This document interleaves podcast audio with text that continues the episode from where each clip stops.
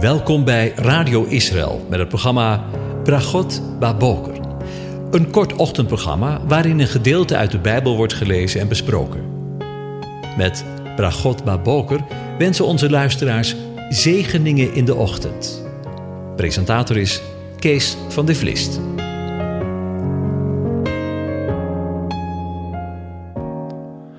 Goedemorgen, luisteraars. Vanmorgen denken we weer verder na over Psalm 121. Ik lees het aan je voor. Ik sla mijn ogen op naar de bergen, voor waar mijn hulp komen zal. Mijn hulp is van de Heere, die de hemel en de aarde gemaakt heeft. Hij zal uw voet niet laten wankelen, en uw bewaarder zal niet sluimeren. Zie, de bewaarder van Israël zal niet sluimeren of slapen.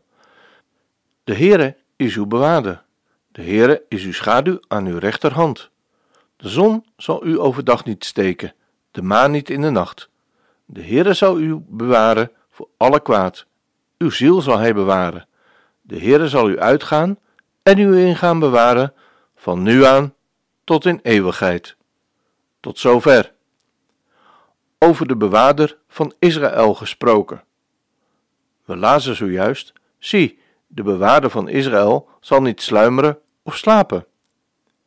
Nu moet je weten dat ik gisteren het voornemen had om vandaag samen met je na te denken over deze woorden. Maar vanmorgen, toen ik wakker werd en wilde kijken hoe laat het was, zie ik dat er een appje binnengekregen heb van een vriend van mij die mij schreef. Hoe kan het dat als je God bent, dat je het laat gebeuren dat er zoveel Joodse mensen in deze Tweede Wereldoorlog zijn vermoord? En ik snap zijn vraag en zijn dilemma. Zeker als je leest: zie, de bewaarder van Israël zal niet sluimeren of slapen. Zoveel Joden zijn in de gaskamers als, sorry voor het woord, maar als varkens afgevoerd. En God zou de bewaarder van Israël zijn en niet sluimeren of slapen? Mijn vriend heeft een moeilijk leven achter de rug, geboren in een sorry voor het woord maar weer, tussen aanhalingstekens, zware kerk. Zijn vader is op zevenjarige leeftijd overleden. En hoewel de jongen geen buitensporige dingen deed, werd hij altijd door zijn moeder gekleineerd en gewezen op het feit dat hij een zondig leven leed. Hij kreeg verkering met een meisje en trouwde. Een huwelijk is het nooit geworden, want binnen zijn huwelijk zag zijn vrouw af van gemeenschap. En dat terwijl zij een verhouding kreeg met een veel jongere man, de zoon van de plaatselijke predikant. Maar mijn vriend kreeg geen gehoor bij de predikant en heeft uiteindelijk de benen genomen en heeft zijn schepen achter zich verbrand en is een nieuw leven begonnen, ver weg bij alles wat hem herinnerde aan zijn verleden kreeg een verhouding met een vrouw, wat hem uiteindelijk ook niet het geluk bracht. Vertrok en kreeg weer een nieuwe relatie met een vrouw waar hij uiteindelijk het geluk en de liefde bij vond, waar zij zo hard naar snakte. Dat heeft tien jaar mogen duren. Tien jaar van intens geluk. En toen, toen kregen ze het bericht dat zijn vrouw kanker had. En een paar jaar heeft hij voor zijn vrouw gezorgd en toen afscheid moeten nemen.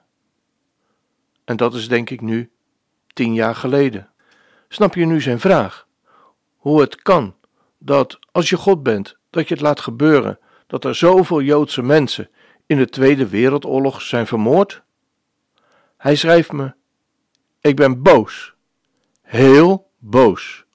Hoe kan je, als je God bent, dit allemaal laten gebeuren? En als ik doodga, wat niet meer lang zal duren, dan hebben we samen, ik en God, nog heel veel te bepraten. Dat beloof ik je.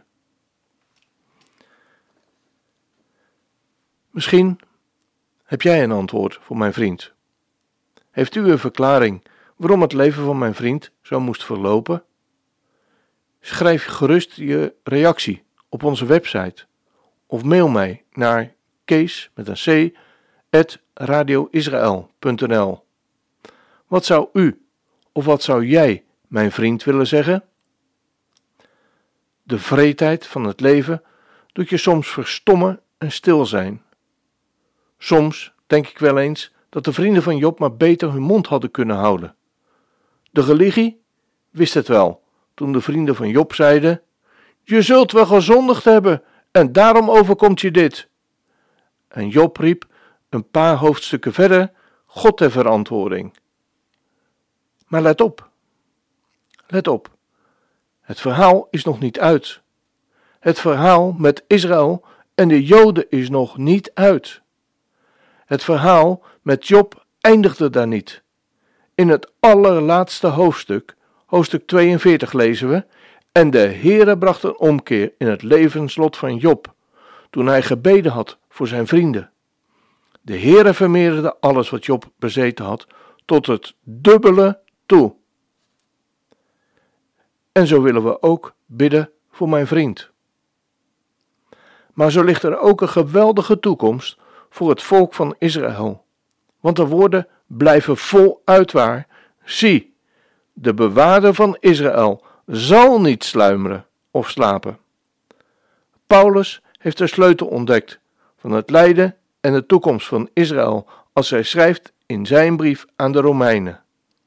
Want ik wil niet, broeders, dat u deze verborgenheid onbekend zij, opdat gij niet wijs zijt bij uzelf, of met andere woorden, lees eigenwijs, dat de verharding voor een deel over Israël gekomen is, totdat de volheid der heidenen zal ingegaan zijn, en alzo zal geheel Israël zalig worden, gelijk geschreven is, de verlosser zal uit Sion komen, en zal de goddeloosheden afwenden van Jacob.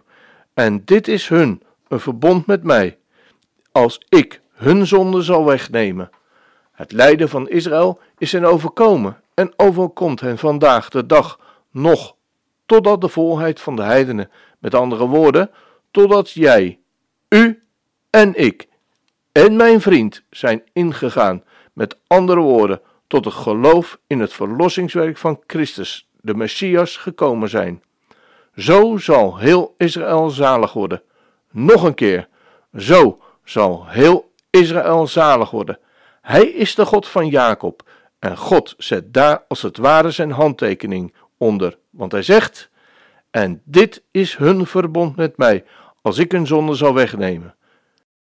Zie je wel dat het woord van God betrouwbaar is als hij zegt: Zie, de bewaarder van Israël zal niet sluimeren of slapen. We beleven in deze dagen een bijzondere tijd, een tijd van onzekerheid, een tijd waarin de dood om zich heen grijpt, wereldwijd. Een tijd waarin we niet meer zeker zijn van een baan, of waar je moet vrezen dat je zaak, waaraan je met wijze van spreken je hele leven keihard voor gewerkt hebt en in no time naar de knoppen ziet gaan.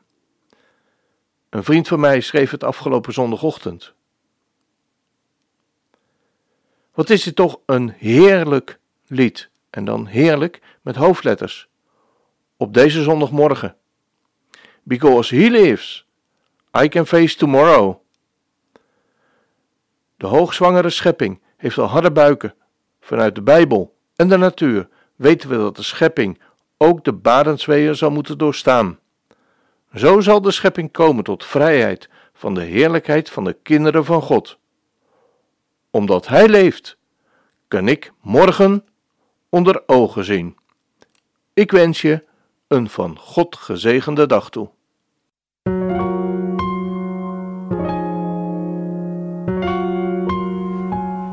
U hebt geluisterd naar het programma Bragot Baboker. Een kort ochtendprogramma waarin een gedeelte uit de Bijbel wordt gelezen en besproken. Wilt u het programma nog eens naluisteren, dan kan dat.